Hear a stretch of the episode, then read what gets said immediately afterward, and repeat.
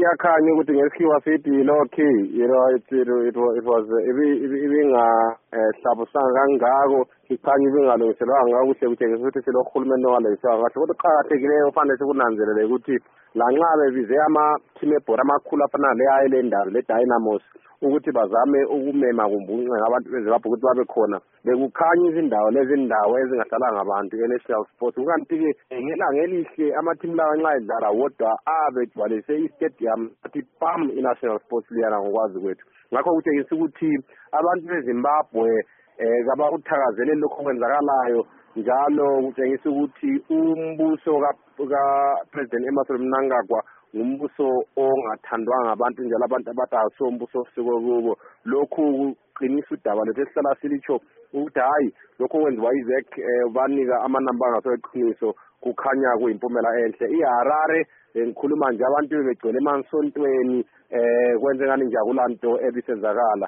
Um ngibone ngani laye upresident eh, umnangagwa uyayangeka ngendlela izinto eziphume ngayo namhlanje. Ukuthi kungenziwani kusi- kuyiwa phambili? Lina lithini ngakhonokho? Akubone phela ukuthi udubo lukhona a- a- a- mntakamama yilolo lokuthi eh khathesi uyabona ukuthi la stadium lapho kukhulume upresident u-ed kwakhuluma i-vice president chiwenga lo munye i-vice president kanikwanga ukuthi akhulume. Njalo akusihlala yenza ukuthi i-vice president uyakhuluma nxa kule inauguration kutshengisa phela ukuthi uzano ngokwayo nxa betshontshile ukhetho akula kuvumelana ukuthi ongupresident ngubani? Kukhanye ngani uchiwenga lokhu esifuqafuqela laye khonapho ukuthi mhlawumbe atshengisele abantu lozulu ukuthi yena nguye oziphethe ngiyophethe intambo. Ngokwehluleka kwapresident mnangagwa ukuthi alungise lolu daba.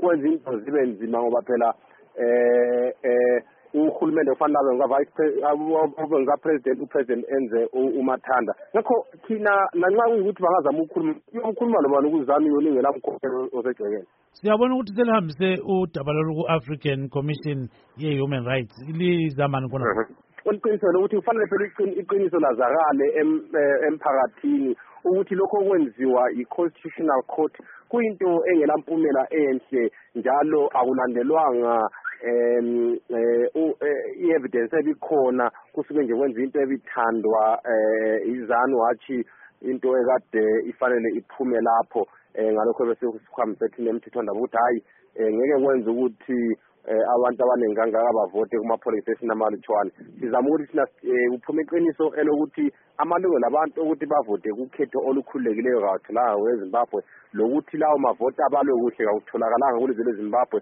Lokuthi ubu- umbuso um kumbe ubukhokheli bukamnangagwa ayisibo obuthan- obuseba- obusuke ebantwini busuke kuzek basebugcizelelwa yicourt kodwa ayisibo basuka ekhethweni. Nxa lingabizwa Kwale kuthiwa wazakala lenze uhulumende womanyano lingathini ngakhonokho upresident esemthamisa utshilo izolo ukuthi hhayi umuntu angatshontsha imbuzi zakho. Ngeke abuye kuwe sesithi hhayi bo um woza ngapha makhelwane ke sizokhuluma ngokuthi imbuzi zakho lezi singazi- singazigobana kanjani singazinikana kanjani? Hhayi isela kufanele liqale livume ukuthi hhayi mina bentshontshile um kodwa ngiyalamba. Bese sibona ukuthi um singabasiza kanjani? Iqiniso lelokhu ukuthi hhayi isela eli- elithi lona lizayenza um umnikazi wezinto abuye ukuzoxoxa. Upresident esenthamisa ngupresident okhethwa ngabantu siyazi ukuthi uwine ama- uwine ngamavoti athi two point six million. Umnangagwela amavoti angaphasanyana kwe-two million. Base bekutshintsha lokho um um ngolwesithathu lweviki ababiza ngayo ukhetho um impumela yokhetho um bazokhuluma-ke ngolwesine sebeqeda uku- uku- ukudlala ngamanamba. Ngalokho-ke hhayi eh, upresident chamisa utshilo izolo wathi kuzamele baqale bavume ukuthi bantshontshile.